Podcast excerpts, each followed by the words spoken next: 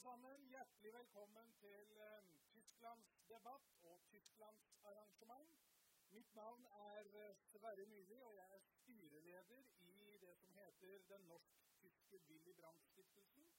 Norsk-tyske Willy Brandt-stiftelsen er etablert av uh, norske stat og tyske stat og har et eneste, men veldig viktig formål, og det er å styrke de norsk-tyske forbindelsene styrke norsk-tysk samarbeid. Vi er så heldige at vi for andre år skal ha debatt her på Arendalsuka. Og noen av dere var her i fjor og ser på panelet at det gikk så bra, så vi stiller med samme panel som i fjor. Med unntak av Ket Hansen Bundt, som måtte melde forfall pga. sykdom. Jeg skal straks presentere panelet, men eh, før, vi, før, jeg gjør det, så vil jeg benytte anledningen til å takke Wintershall, som er med som arrangør og støtter arrangementet her i dag. Så takk for det. Et viktig energiselskap i de norsk-tyske relasjonene. De som eh, er i panelet, er eh, fra meg her. Det er Sten Inge Jørgensen, journalist i Morgenbladet og forfatter, og snart ny bok ute vel. Hjertelig velkommen. Og så er det Ingrid Brekke, journalist i Aftenposten og også forfatter. Hjertelig velkommen til deg. Og så er det tidligere ambassadør i Norge, Aksel Berg, bosatt i Berlin og delvis Mandal, tror jeg vi må si. Hjertelig velkommen også til deg, ambassadør Alf Dienst, som man ville sagt i Tyskland, og også daglig leder i norsk-tyske Willy Brandt-stiftelsen i Berlin. Så vil jeg si til dere, vi kommer ikke til å holde på en time. Det er jo det er på tysk maner her, så kjøp øl og, eller andre ting og kos dere. Jeg har vært på en rekke valgkamparrangementer i Tyskland, og der er jo øl og pølser fast inventar. Pølser det tror jeg ikke det er her, men øl og andre ting er det selvsagt her. Så kos dere, gå i baren, og, og, og, samtidig som vi har debatt her. Og så en viktig ting til. Veldig fint hvis noen av dere har spørsmål. Vift til meg, eh, opp med hånda eller andre måter å gi signal, for det er veldig fint hvis også salen kan komme med litt spørsmål og Det er altså det politiske landskapet i Tyskland og forholdet mellom Tyskland og Norge som er tema. Høres det bra ut? Ja, flott. Veldig bra. Klapp for paneldeltakerne. Da skal jeg starte med deg, eh, Ingrid. Vi var her i fjor ganske nøyaktig et år siden. Og så vi debatterte vi da hva kommer til å skje i det tyske valget. Og vi diskuterte litt ulike regjeringskonstellasjoner. Ville det bli stor koalisjon? Ville det ikke bli det? Hva med det da fenomenet AFD, Alternativ til Deutschland? Hva vil skje med, de, med de i valget? Og i det hele tatt, hva skjer i Tyskland med valget? Hva slags regjering får vi? Og hva slags politikk vil det bli i Tyskland? Og hvordan vil det endre det politiske landskapet? I Norge Ingrid, så har det jo skjedd veldig mye det har skjedd mye i norsk politikk det siste året. Mye rart, vil vel kanskje noen si. Før her på Arendalsuka veldig mye rart. Det skal vi la ligge. Men det har skjedd også mye i Tyskland. Om det ikke har skjedd sånne ting i Tyskland, så har det skjedd veldig mye tysk politikk det siste året. Så Ingrid, siden vi var samla her i fjor, hva har egentlig skjedd i Tyskland? Og hva skjedde ved valget, og hvordan har det gått? Vær så god. Ja, nei, det har jo eh, det første som skjedde, var jo da at det var dette valget. Og det mest eh, rystende i det valget, det var vel det at Alternativet til Deutschland kom inn med 12,6% Og med det så fikk da Tyskland for første gang eh, siden krigen et eh, ytre høyreparti av betydning inn i forbundsdagen.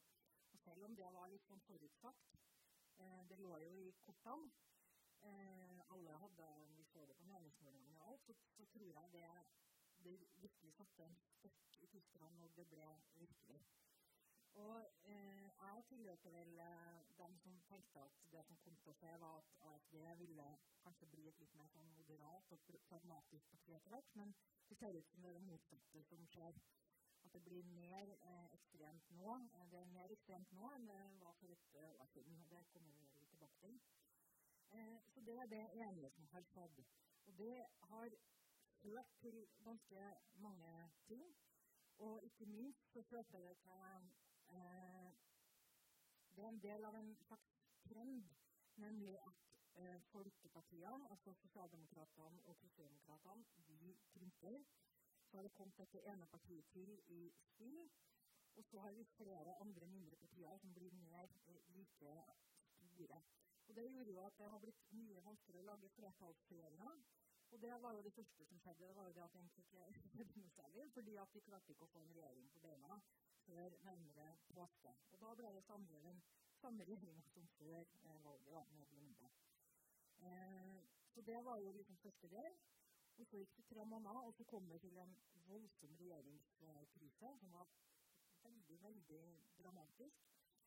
Eh, der man først liksom tenkte ja, ja, nå er han eh, fra CSO Bayern eh, innenriksministeren som er ute og tester seg, og så skjønte man etter at nå kan samle eh, regjeringa ryke. Det gjorde det ikke. Men det man kan tenke som lå under den krisa, det er et litt sånt spørsmål hvilken strategi skal kristendemokratene møte AFD med? Skal man prøve å bli med som dem? Det, prøvde vi, det er det vi prøver på i, i Bayern, kan man si, i CSO. Snakke litt deres språk, bli tøff, veldig tøffe og harde i sånn innvandrings- og asylspørsmål. Eller skal man kjøre med sånn moderat, uh, human metterlinje med anstendig språk og alt dette. Og det kan man si lå under denne krisa, da, som ble for så vidt Man berga seg i land, men følelsen er veldig uh, hvert fall tenker jeg sånn, at det er ganske sånn skjør følelse nå av denne regjeringen. At, det, at det ikke sikkert kan bli slutt til slutt, og at det er en konflikt som kan blusse opp igjen når som helst. Eh, så det er det kanskje største som har skjedd. Og så ligger det også eh, som en del av dette med at folkepartiene krymper, og sosialdemokratene sliter mest, men også kristendemokratene, så har jo da AFD eh, vokst litt, ligger på noen 15 men det har også De Grønne, som er liksom hovedfienden til AFD, kan man si. Eh, så de vokser også.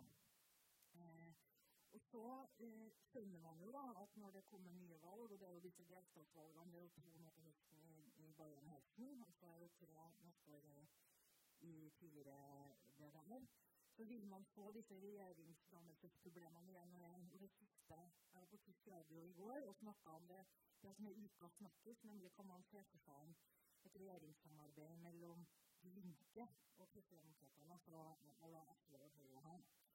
Eh, og det er et slags uttrykk for hvor desperate alle nå er, fordi man skjønner at det vi får nå, med problemene med å danne regjering, det kommer til å antagelig dukke opp mer og mer i delstat etter delstat. Og, og så lenge vi skal ha disse flertallsregjeringene, så blir dette en stor underliggende utfordring som jeg ikke ser hvordan vi helt skal klare å ta fatt på.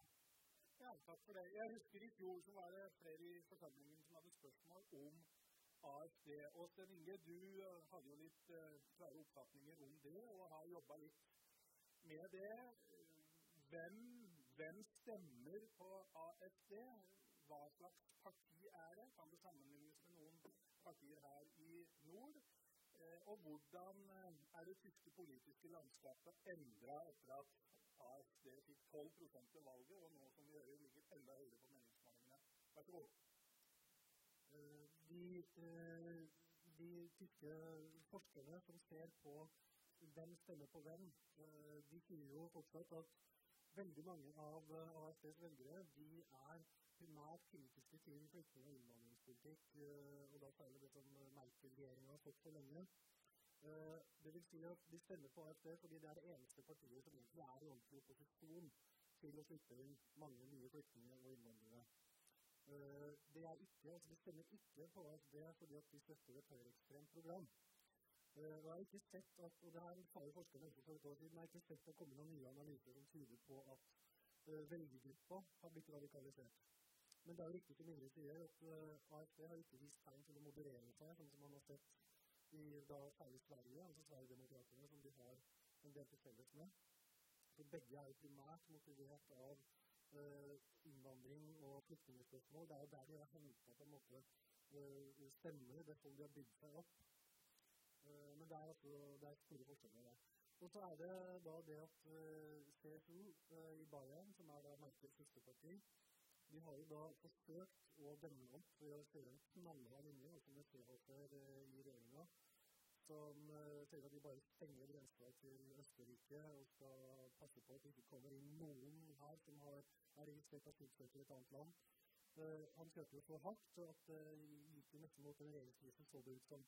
Men spørsmålet er hvor reelt var det? Altså, jeg tror at Seehofer har nok ikke vært så godt forankra i det her, i partiet sitt. Og hadde de hadde blitt, ikke fått noe utslag på meningsmålingene. og fått flere målinger nå, godt under 70% og 37-38 altså Det er katastrofe. CSU har jo vært vant til å styre Bayern med over 50% altså De har liksom eid Bayern. Det har vært deres selvbilde. Og når det da går ut beinhardt på AFCs barnehager og blir straffa på den måten, og det er de grønne som går fram i baren nå, det er ikke AFC der heller, man skulle tro i det minste at det da var AFC. Uh, så tror jeg det er altså en, en lærepenge. Uh, og jeg tror at uh, de vil være forsiktige fremover. For det er også sånn at Hvis det blir full skjæring, så kan CDU finne på å si at greit, vi bryter med dere stiller egen liste i banen. Og da vil det jo ta mange av CSUs velgere, så da vil jo CSU bli enda mindre. Dessuten er Bayern økonomisk sett helt avhengig av et åpent Europa, åpne grenser. Altså det er jo en enorm eksportindustri der. Klart Utfordringen de, de kreftene der, bare på asylspørsmålet, så kjemper du, en, kjemper du motbakke. Så jeg tror det er mange ting som taler for at uh, denne debatten kan faktisk roes også. Uh, men det vet man jo aldri med at Innvandringsdebatten kommer jo, blir alltid aktualisert av begivenheter selvfølgelig som, som er uforutsette. Men jeg tror ikke at det er det parameteret kommer til å definere liksom, politikk uh, resten av regjeringsperioden. Jeg tror ikke vi skal være så sikre på det. Jeg tror det kan komme også andre ting. Men det, man vet jo aldri. Eh, tilbake til deg, Ingrid. Vi, vi, har jo sett, og Hvis du ser på YouTube, så ligger det jo en del filmer, er litt drøyt å kalle det, men i hvert fall episoder som har skjedd i forbundsdager med AFD og litt sånne ting. Altså, eh, og vi har sett eh, en noe blek, men fattet Merkel på interne møter og forhandlinger med støttepartiet sitt, CSO, er det blitt et mye tøffere politisk klima i Tyskland? Syns du det, du som følger godt med? Ja, det vil jeg si. Altså, at språkbruken har, har blitt hardere. Og, og nettopp dette at innvandrings- og asylsaken står så høyt på dagsordenen. Altså, man kan godt, det kan godt hende at det er sånn at, at sin påvirkning klarer å, å bli holdt i sjakk og, og dette her, men det er i hvert fall opplagt at vi har fått lov til å sette en tone, da, både i at temaet står høyt på dagsordenen, og i måten man snakker sammen på. Så jeg har en følelse av at det har blitt mye hardere. Og jeg tenker sånn eh, Når jeg altså, for, sånn, for De siste ti årene, da, eksempel, så jeg hadde alltid tidligere følelsen av at eh, innvandringsdebatten i Tyskland var mye mer anstendig og, og ordentlig eh, enn den var i Norge. Eh, mens nå har jeg sagt at det kanskje er verre i Tyskland eh, enn i Norge. Men dette er en følelse, da, og det er vanskelig å Men det har virkelig vært Og, og tenker også eh, Men det som jeg, jeg syns er kanskje vanskeligst å, å ta med AFD, det er jo denne historierevisjonismen de driver med. Og jeg hadde hele tida trodd at når de begynner hvis hvis de går den veien, da taper de. Men det gjør de ikke. Og det synes jeg, det var nettopp nå var det en som sa sånn at um, Stoltenberg som prøvde å, og, som drev, hadde attentat mot Hitler, men han var en landsforræder. Så sånn snakker det nå i, i AFD. Og det virker ikke som folk bryr seg om det. Og da er det sikkert som du sier, at det er protestene er viktigere enn innholdet. Jeg må si at jeg er litt overraska over dette. Altså. Ja, Astrid, vær så god.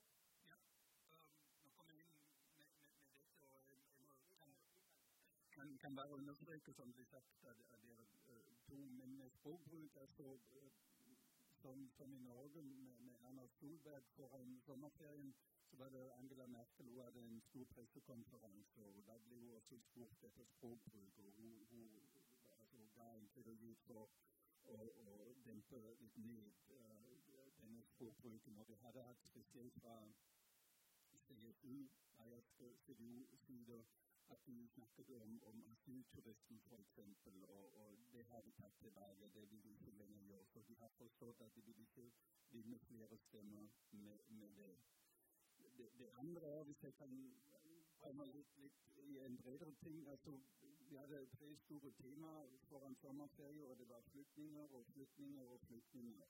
Og, og det, det, det, er jo ikke sant altså, for, for, et land som, som, som Tyskland. Altså, de har samme spørsmål som i Norge, f.eks. Uh, sykepleier og uh, eldrepleier. Uh, vi, vi, har problemer eller, eller utfordringer med um, kunstig intelligens, digitalisering. Um, vi har problemer med, med uh, rom å bo i, altså å, og leierom. Tyskland er det for det meste å leie rom, ikke å kjøre ut. Boligspørsmål. Og um, det, det, er ting som må diskuteres. Og da um, vi har um, faktisk fjernsyn som sommerintervjuer ved partileder ble, kommer til et intervju, og nå siste søndag var det Gauland, altså en av lederne fra AFD. Og blir spurt etter hva er deres politikk om, om eldrepleie, hva er deres politikk om digitalisering. Han sa ja, du vet, jeg, jeg kan ikke uh, håndtere med smartphone eller sånn. De har ikke noen programpunkter til alle disse store uh, uh, selskapsspørsmål som, som uh, Tyskland er konfrontert med. Så det er flyktningpolitikk som er deres arena, og bare det? Akkurat. Altså det, det kan man si. Det, det, det må man si at, at, de bare ble så sterke. Og man kan si jeg er ikke lenger ambassadør, men det som skjedde i 2015 i det hele, var absolutt vanskelig. Um, det gikk ikke alt så bra som man kunne ha tenkt seg. Det var viktig å um, ta imot mange flyktninger, men etterpå um, politikken um, og gir inntrykk av at dørene står helt åpne til i dag. Uh, det som Norge eller Sverige også hadde problemer med, uh, det litt, uh, kom litt seint. Og spesielt nå spørsmålet om integrasjon av alle flyktninger som, som, har kommet til Tyskland, det, det er nå altså Merkel bare sa på den pressekonferansen vi klarer det. Punktum. Men hvordan det klares, og, og, og hvem er ansvarlig for det? Kommunene, um, delstatene og forbund, altså nasjonen. Um, det, det blir ikke så klart. Gil Staffelnes, var vel det som ble sagt. ja. Eh, men eh, Aksel, til deg, vi er, jo, vi er, jo, vant til at Tyskland har en viktig posisjon i Europa. Lederrolle, økonomisk motor. Tar eh, ledelse når det er vanskelige spørsmål i EU. Har gjort det i mange saker de siste åra, også tidligere når det har vært innvandring, og flyktningeproblemer. Etter det som nå har skjedd internt mellom eh, Merkel og sitt søsterparti hennes søsterparti CSO. Ser du for deg at det blir noen endringer i Tysklands rolle i, i europeisk og internasjonal sammenheng, eller er Tyskland fortsatt den sterke motoren som det har vært? Ja. Jeg vil håpe at Tyskland vil fortsatt en sterk aktør og, og motor i, i, Europa. Men det ene er vi snakker ikke lenger om visjoner, vi snakker om realiteten. Og f.eks. i EU det største problem er brexit. Hva vil skje, eller hvordan kommer vi til slutten av mars, 29. mars, er det, hvordan skal det håndteres? Og da er Tyskland jo også i en spesiell situasjon for det ene. Um, det var Storbritannias uh, beslutning å, å gå ut av EU som de ikke vil. De vil ha det at uh, Storbritannia fortsatt. Um, men nå kan de ikke, som de sier på tysk, det er også et uttrykk for finpikkerei, altså bare ta det som de finner best, um, og, og, og, ikke betale lenger osv. Um, det, det blir den utfordringen. Det er jo um, forhandlinger som føres fra EU av kommisjonen, men sammen med, med, med uh, landene og, og, og Angela Merkel er jo i nær kontakt med Theresa May, men vi kan jo ikke oppfylle alle ønskene som kommer fra den britiske siden. Det andre er um, hvis vi ser på Nato f.eks., da har vi en annen utfordring med, med Trump. Ikke bare det, men altså handelspolitikk og sikkerhetspolitikk. Um, da blir det vanskelig også for Tyskland alene å, ta altså, et fremgående rolle. Men da må vi uh, samarbeide med alle Nato-partnere, ikke minst med Norge, hvor vi har et tett samarbeid uh, sammen som, som, EU når det dreier seg om, om handelspolitikk. Flott. Og så gjentar jeg lite signal opp hvis dere har spørsmål både om det vi nå har vært inne på, eller andre ting. Gi meg et lite signal, så skal dere få ordet. Ingrid?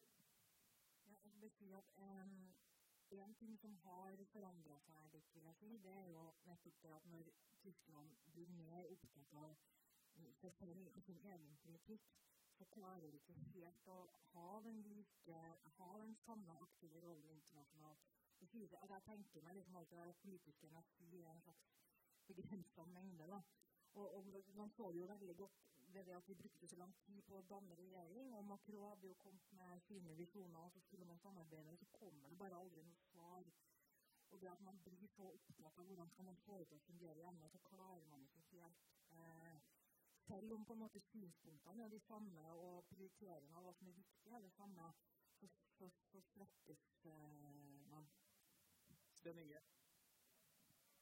En viktig ting eh, å huske på i, i europapolitikken er at når vi Tyskland sammenligner med Macron altså det, er det mest på en måte visjonære eh, EU-tilhengeren man har sett på veldig lenge. Og det er klart at eh, Ved siden av ham så ser jo Tyskland da mye mer sånn EU-nøkterne ut. Altså, men hvis vi da prøver å tenke bort Macron et øyeblikk og ser på hva Tyskland gjør, da, så for det første var det første kapitlet i den nye regjeringsplattformen den handla om EU og en revitalisering av EU.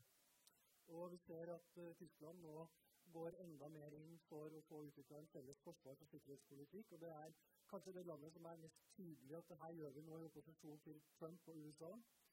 Uh, og vi så nå på siste toppmøte at Tyskland da gir etter for Frankrike og går med på et budsjett for eurosonen. Uh, det er lite i første omgang, men det er symbolsk veldig sterkt. Eh, det er jo det som da motstanderne av et sånt budsjett sier at det her er jo begynnelsen på en overføringsunion, hvor Tyskland i all evighet må finansiere Sør-Europa. Derfor har det vært veldig upopulært i Tyskland. Men de gikk med på det. Det var den veien det endte til slutt. Så hvis man tar de tingene her i betraktning, så er ikke Tysklands europakurs egentlig endret. Altså de er fortsatt tungt med og vil være med og vil drive videre. Men er det en sånn type brexit-bevegelse i Tyskland? Er det krefter i Tyskland som jobber for det samme, og er de sterke?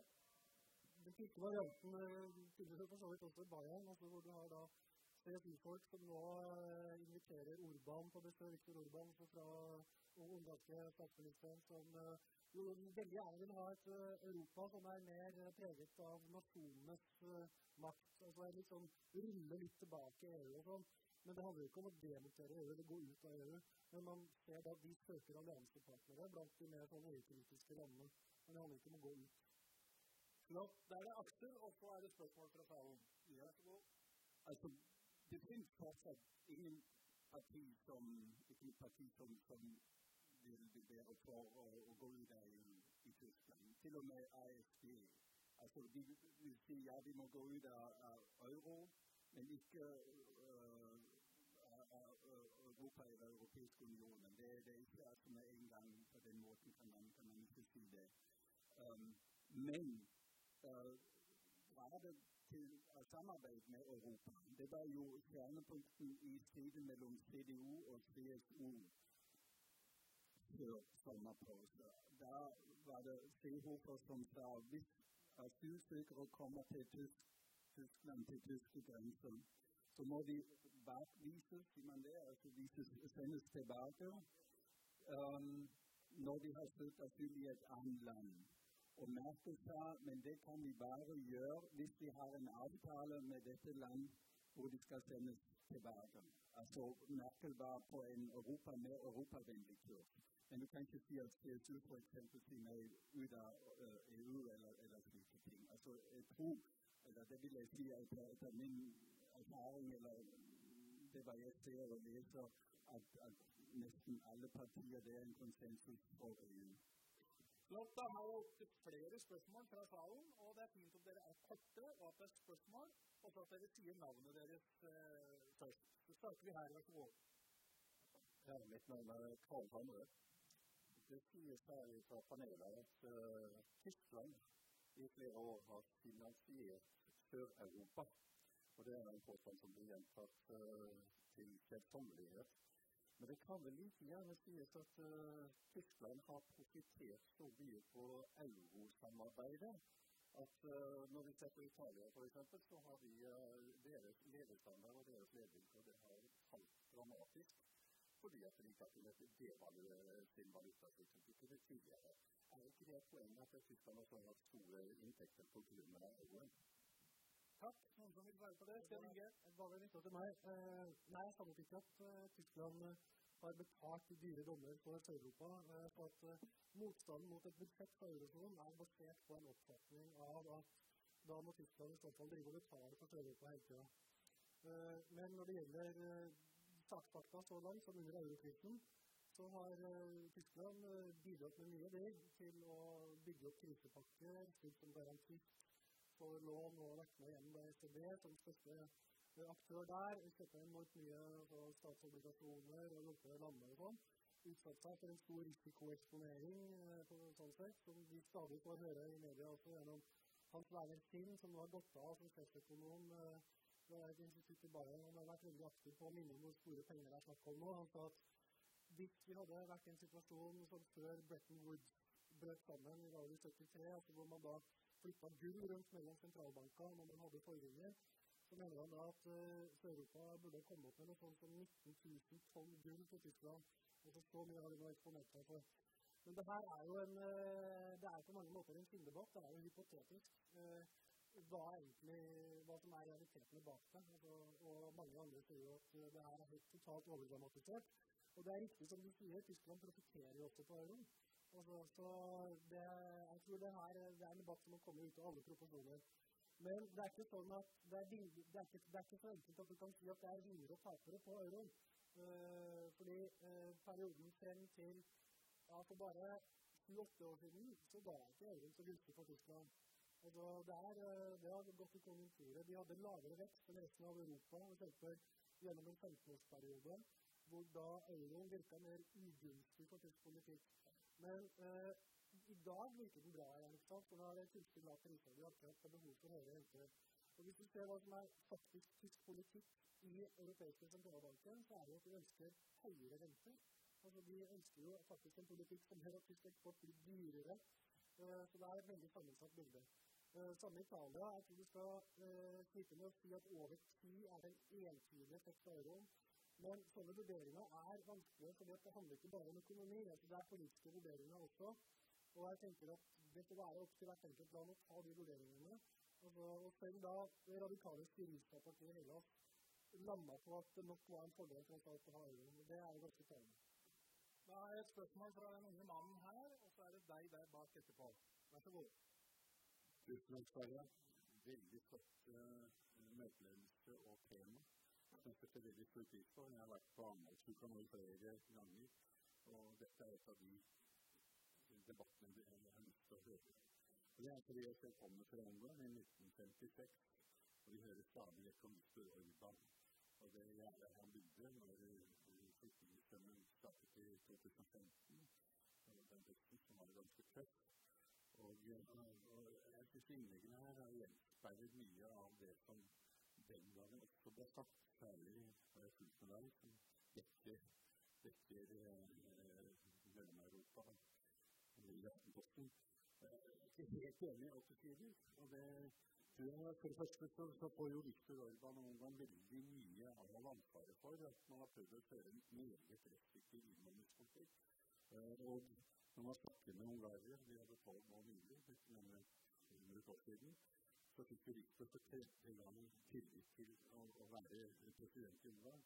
Så satte jeg med kommunister i Ungarn som alt er stemt mot ham, som, som da sa hvis ikke han blir valgt, så kommer vi til å bli overinnvandret, å. Og det har ikke det som du skriver har helt andre kilder. Så det er noe greit. Men i hvert fall eh, Ungarn har en grense som de har ansvar for. Det er Schengen-grensen passe på at det er kontroll over de som kommer inn fra tredjeland. Og, og det har vært en begrunnelse for dette, pluss at det er en historie hvor det har vært da selvfølgelig undergravet av tyrkere. Vi er 150 år okkupert av tyrkerne. 45 år av kommunisme etter annen osv. Så uh, litt sånn historiekunnskap er, er, viktig å ta med seg når man ser på hva Ungarn driver med. Jeg tror ikke Jeg er selv flyktning til Norge i 1956.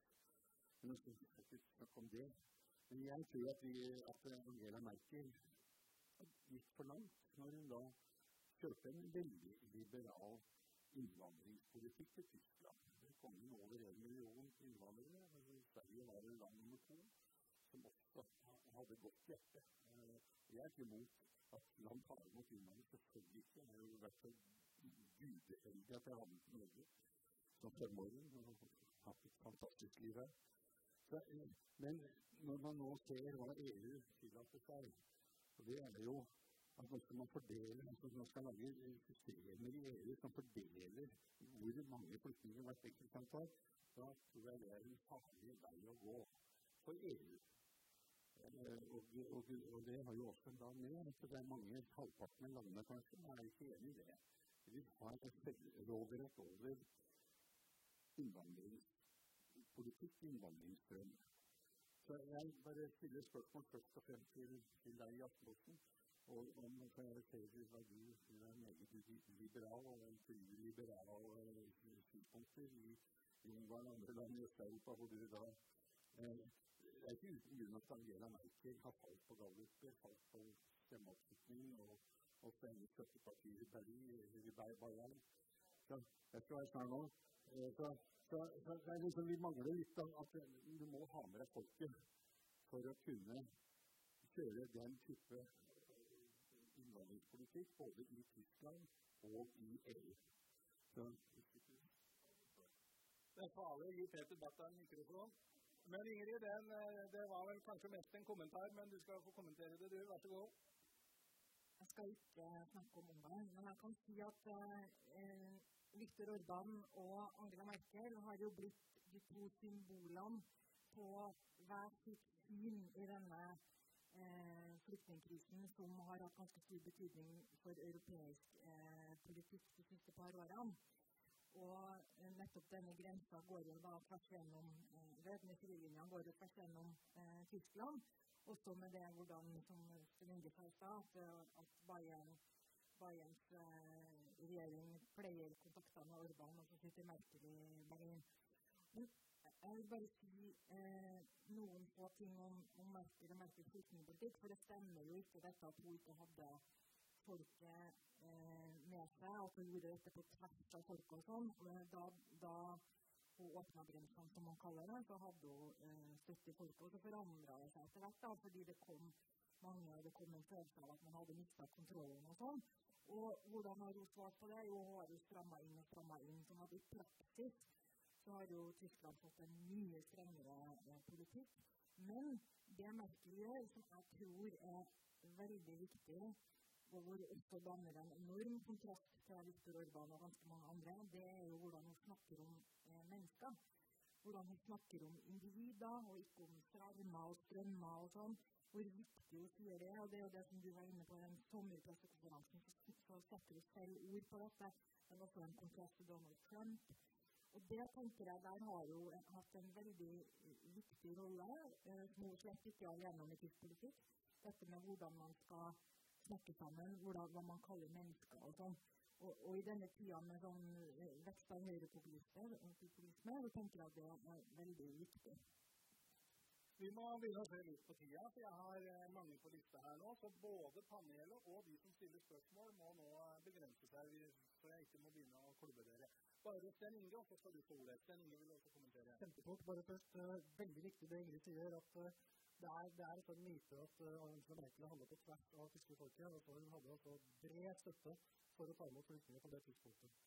Det er bare en saksopplysning til forrige kommentar her. altså EU har da ikke bestemt at alle land skal tvinges til å motta flyktninger. Så man har prøvd det en gang i 2015, eh, og det mislyktes. For mange land så bare nei, vi vil ikke være med. Så det nye nå er frivillighet. Eh, så den linja har de gått bort fra. Jeg vil bare si altså, som, som, som du tok med, med Ungarn. Ungarn var tror jeg, den fremste partneren vi hadde i begynnelsen etter murens fall veldig godt samarbeid, og, og, og, og ungdom var jo med å uh, komme ned med um, Hva heter det? Straffedrapssammentom. Men jernteppe. Ja, jernteppe. Eller, men uh, på den andre siden syns jeg er det ikke mulig å si nei til ikke én flyktning. Altså, det, det, er ikke den uh, ånden vi har om, om solidaritet i, i, Europa, i Den europeiske unionen, og det gjør det så vanskelig. Flott. Fint om du da sier navnet ditt, og så at du har et spørsmål. Mitt navn er Torunn Brun. Mitt spørsmål er om energi og Tyskland. Det virker som Tyskland blir mer og mer avhengig av Russland. Og hva, hvilken rolle har Norge til å få mer gassutveksling til Tyskland? Og samtidig i dette her perspektivet så virker det som Tyskland er mer og mer avhengig blir mer og mer avhengig av kull. Hvor Jeg har alltid sett på dem som en foregangsland for klima, men det virker som de har tatt noen steg tilbake. Er det, er det pga. flyktning? Er det pga. Er det energi? Er det bare mer realistisk politikk? Hva er det som er grunnen Ja, altså, jeg kan begynne kanskje. Altså, om energi altså Tyskland blir ikke mer og mer avhengig uh, av Russland. Uh, det var jo et argument som Donald Trump brukte, spesielt i sammenheng med Nord Stream 2, altså uh, gassledningen fra Russland til, til Tyskland. Um, det er litt mindre enn 40 gass som, som, kommer fra Russland til Tyskland. Det er nesten det samme, men kanskje litt mindre som kommer fra, fra Norge. Et annet spørsmål vil være EU-kommisjonen i forhandlinger med uh, Donald Trump har lovet å importere mer um, flytende gass fra Amerika. Det blir også kanskje en konkurranse, for den er på den andre siden dyrere enn en gass fra, fra, fra Norge. Det, det, det, må vi se. Um, så uh, om kull Det er også et problem som jeg har. Um, langfristig vil Tyskland gå ut av kull men det dreier seg om arbeidsplasser. Og, og der har du de to store partiene, CDU og SPD, som um, er redd av å stenge kull og gå uh, f.eks. til norsk gasskraftverk uh, eller andre muligheter mer og mer. Uh, for da vil folk uh, som um, kommer med kull, miste arbeidsplassen. Og um, det er en situasjon hvor man også vil miste velgere. Det Er noen av dere som vil kommentere? Kort. Norge, Tyskland, energi? Eh, veldig kort. Eh, Tyskland, viktigste greia på energi er at eh, fornybar eh, øker jevnt og trutt. Og Grunnen til at kull har blitt litt større nå, handler også mye om at de stengte ned atomkraftverkene. De hadde en eh, CO2-fri eh, energikilde som de da har mista. Så det er sammensatt. Men ingen grunn til å frykte for norsk gasseksport, tror du det? Aner ikke. Det er kanskje godt. Da er det neste her. Jeg kjenner deg, men si navnet ditt. Ja, mitt navn er Erik Ørland. Eh, jeg har bodd i Tyskland og forholdt meg til Tyskland gjennom mange år. Og det jeg har lært eh, om mitt kjennskap til Tyskland over tid, er at man har hatt en, en slags bålverk mot uh, krefter som utfordrer liberale demokratiske prinsipper. Og du ser på utviklingen i det riktige vestlige nå, så er det jo kjennetegnet til at det skyver migrasjonsproblematikken foran seg for å oppnå andre, for å undergrave en del rettsstatlige prinsipper. Du ser det i Polen, du ser det i Slovakia, du ser det i Ungarn osv. Og, jeg har på en måte alltid opplevd at er det et land i Europa som kan være bolverket mot dette, så må det være Tyskland. Og når jeg hører sier eh, så blir jeg litt bekymret. Eh, er det slik at den eh, kompetansen som Tyskland opparbeidet seg i etterkrigstiden ved å forholde seg til det som skjedde under annen verdenskrig, er det i med å miste fotfestet? Det var ikke noe lite spørsmål, Ingrid. Men jeg kan svare veldig kort nei. Nei, altså det, jeg tror ikke det. Men, men, det er opplagt under trussel og under press. Og man ser det jo også veldig tydelig i Tyskland, fordi man har den biten som, som en gang lå bak jernteppet. Og man ser hvordan disse verdiene har mindre betydning eh, for velgere der. Eh, Jeg så nå nettopp at eh, i, i Saksen, hvor det er valg neste år, der har eh, De Linke, som jo delvis har røtter i kommunistpartiet, og AFD til sammen sånn 50 i meningsmålingene nå. Eh, mens de store partiene som styrer restene er mindre. Så det, det, er annerledes. Og sånn sett så er det en slags trussel her. Samtidig så er jo den biten av Tyskland eh, mye mindre enn en det som er det gamle Vest-Tyskland. Og der tenker jeg at disse verdiene, disse institusjonene, er så solide. Og så er det noe som også er så interessant med Tyskland, det er at institusjonene er jo konstruert på en helt spesiell måte som skal motvirke at noen gang en tyrann kan komme og overta igjen. Sånn at jeg tenker at både bevisstheten hos folk og liksom hele kulturen eh, gjør dette veldig, veldig solid. Og nå skal man ikke spå så veldig om framtida, men jeg tror i hvert fall Tyskland er det siste som ryker. Men jeg tror ikke Jeg tror aldri, jeg tror aldri Tyskland ryker. Flott, takk for det. Da har vi spørsmål her. Takk til Tore Myhre fra NHO. Nå som uh, Trump trekker USA ut fra, ut fra lederrollen for en liberal verdensorden globalt, og brexit gjør at Storbritannia går ut, noe som endrer maktforholdene i EU, og Tyskland får en viktigere rolle. Og så har samtidig Tyskland vært en motvillig politisk leder. Er det sånn at Tyskland nå vil, vil ta den lederrollen som vi trenger at Tyskland skal ta, både i EU og globalt? Ja, Svein Inge skal få den.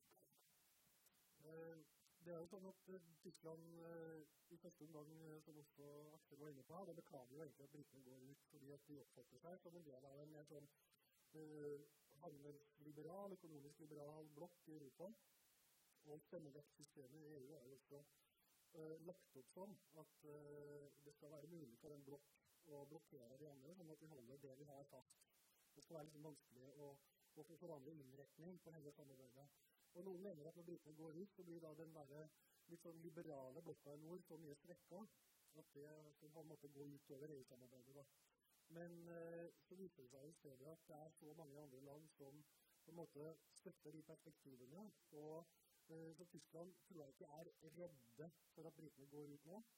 Eh, og jeg tror at de skjønner bedre enn noen annen at Eh, de må få bare et samspill med Storbritannia, sånn at Europa kan få sterkest mulig i en verden da, med, med, eh, sånn som det er nå, med USAs mer alenegang og konfrontasjoner. Eh, altså EU er jo veldig sterkt alene, men det er særlig sånn sikkerhetspolitisk og, og som global makt så er det utrolig viktig å ha en god relasjon til Storbritannia. Og Det har jo også vist seg mer sagt, at vi søker da, før vi går ut, vil vi ha på plass et nært, forpliktende forsvarspolitisk samarbeid. Og vi har sett i flere internasjonale konfliktspørsmål, også fra Iran eh, altså Flere av de store som har vært oppe i siste siste, så har EU og Storbritannia stått helt sammen. Uh, og også opposisjonen til Trump. Så jeg tror at uh, man skal ikke overdrive den splittelsen. Men det betyr at Tyskland går da inn og tar en mer lederrolle altså, Det er jo Frankrike som på en måte har veldig ballen nå. Uh, men det er hvor om det skal bli de to sammen. Flott. Da Vi begynner å gå inn for landing her nå, så det er ikke så mange Ja, du står på lista mi, så du, du skal få ordet. Så jeg hånd her borte? Nei, det er jeg ikke. Men da starter vi med deg, og så er det deg, og så er det Mathisen. Vær så god, kom her og presenter deg selv. Geir Åge Tvedt Ja. Hvordan er kultursamarbeidet mellom Berlin og Norge per dags dato? Kultur, ja. Noen som føler seg kallet? Hvis jeg får lov å, å svare på de årene 2012 og 2016 eh, er ikke lenger så inn i det hele, men altså, der var kultur, kultursamarbeidet veldig flott. Altså, med masse utstillinger som vi hadde i Bodeland f.eks., på Nasjonalgalleriet i Oslo og i Dresden f.eks. Men når vi ser på neste år, og det er en stor del, og hvor Norge vil ta sjansen, er at Norge er gjestland på bokmesse eh, uh, i Frankfurt 2019. Og det er jo ikke bare å ha en stand der og, og vise frem eh, norske bøker, men det er sammen med vekk fra Munch-museum f.eks. De har to eller tre arrangementer samtidig altså i sammenheng med, med bokmesser. Det kan være alltid litt mer. Det som er noen ganger litt, litt vanskelig å få finansiering Det er blitt sponsoring i Tyskland.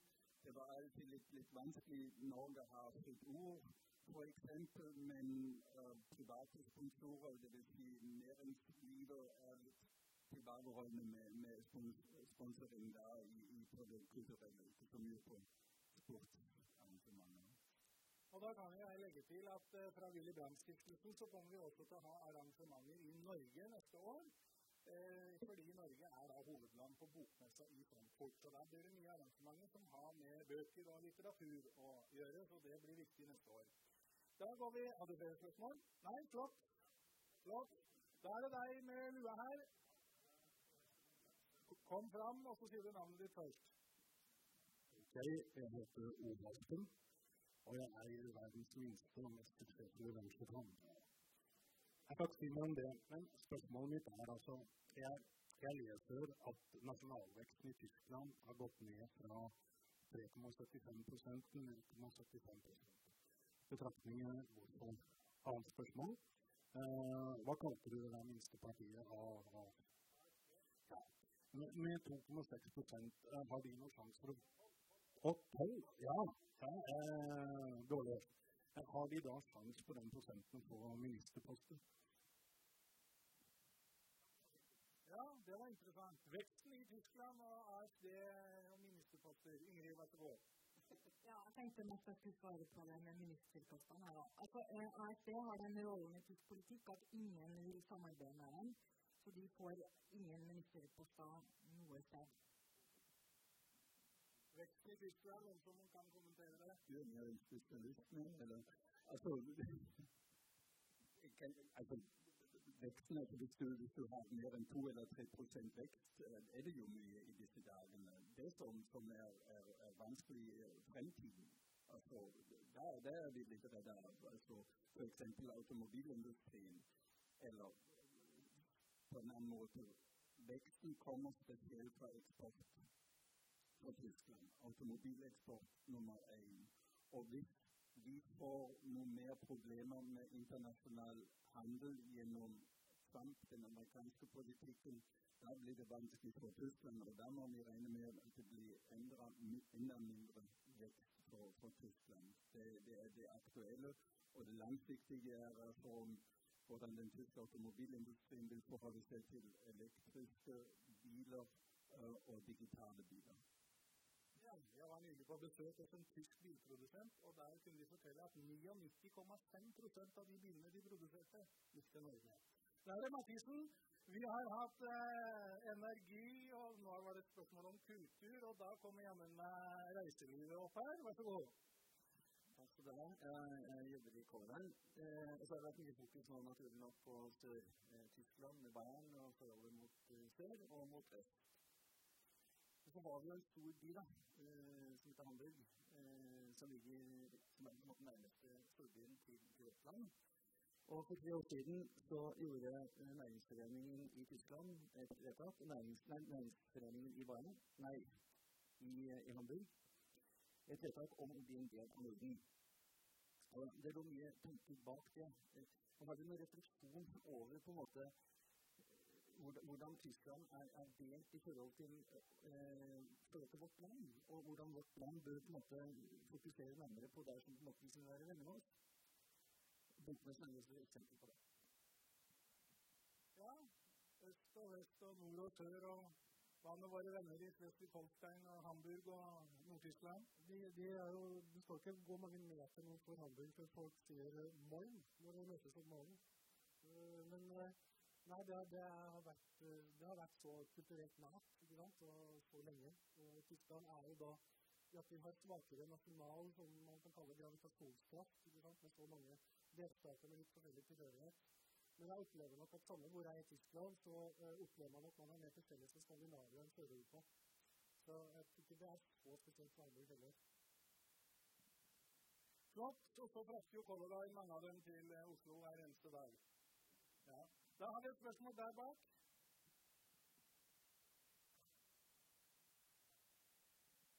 Det var et spørsmål tidligere her om eh, gasseksport og Russland. Og nå siden tusen, jeg oppfatter at du ikke står veldig alvorlig på. Eh, jeg er en av de som syns det er litt bekymringsfullt at Russland har såpass mye eksport til Tyskland. Eh, og, og at Gerd Føder på en måte er litt i, lommen til, til, til, til Putin. Eh, i, og jeg lurer litt på hvordan Sosialdemokratisk parti i Tyskland på en måte er til å stole på i forhold til Russland. Og eh, hva dere andre i panelet mener om den samme saken. Og ja. Ja, det var Tyskland og energi og Russland og Nord Stream og Schrøder og lommeboka til Putin og litt av hvert. Ingrid, skal du starte? Altså, jeg kan i hvert fall eh, si at jeg var en gang eh, på besøk hos eh, Sosialdemokratiske partiet, og da sa vi til meg, den som viste meg rundt, at vi skulle ønske at vi hadde to, to ganger Willy Brandt på veggen, og at Sveder var borte. Sånn at det er mange internt i partiet som har veldig problemer med den rollen Sveder har, og det er i hvert fall veldig mange tyskere som har det. Eh, Ingrid, er ikke sikkert alle Nei, altså Schrøder han jobber jo for Gazprom. Han, han gikk jo til Etter han slutta som kansler, eh, så gikk jo han til eh, russiske energiselskap. Og nå har han vel fått enda en rolle i et annet i Rosatom. Ja, men han sitter i en annen også. Ja, uansett. Men han er jo da dypt involvert i, i, i, i russisk energi. Eh, og eh, ja. det, dette er veldig komplisert. Og, det, og denne Nord Stream 2-debatten eh, som foregår nå, der jo, har jo han og Russland interesse av at den skal bli bygd ut. Og Tyskland har jo hatt litt sånn vaklende Stort sett har det vært for. Men det er jo også fordi at Tyskland er en handelsnasjon hvor de velger å prøve å tenke at dette er, eh, handler om næringsliv, og det handler ikke om politikk.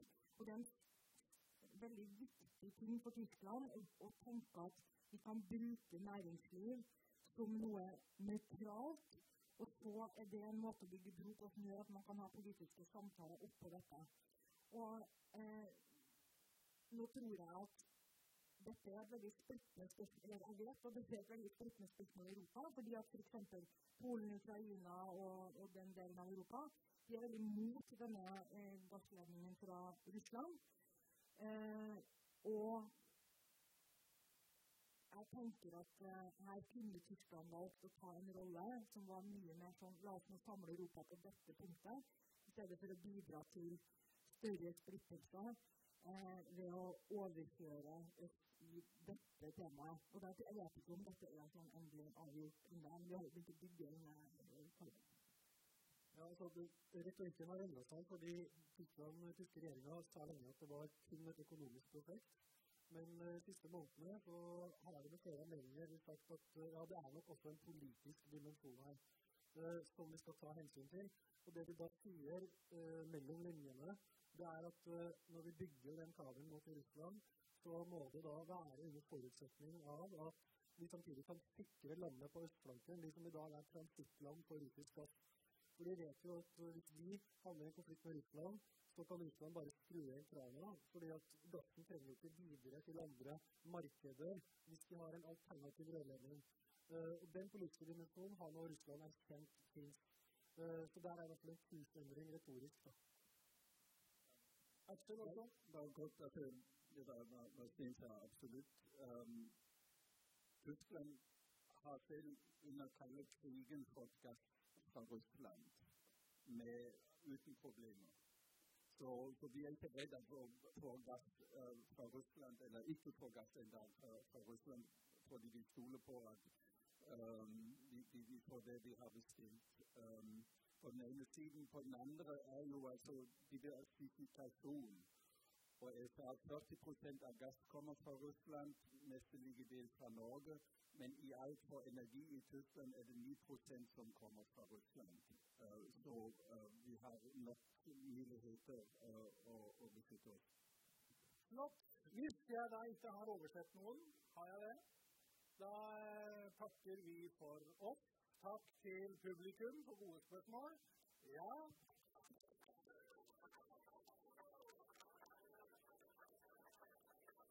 Takk til eh, dere som kom og hørte på. Takk til Wintersal. Takk til Sten Inge, Ingrid og Aksel. Tusen hjertelig takk, og så ses vi igjen neste år.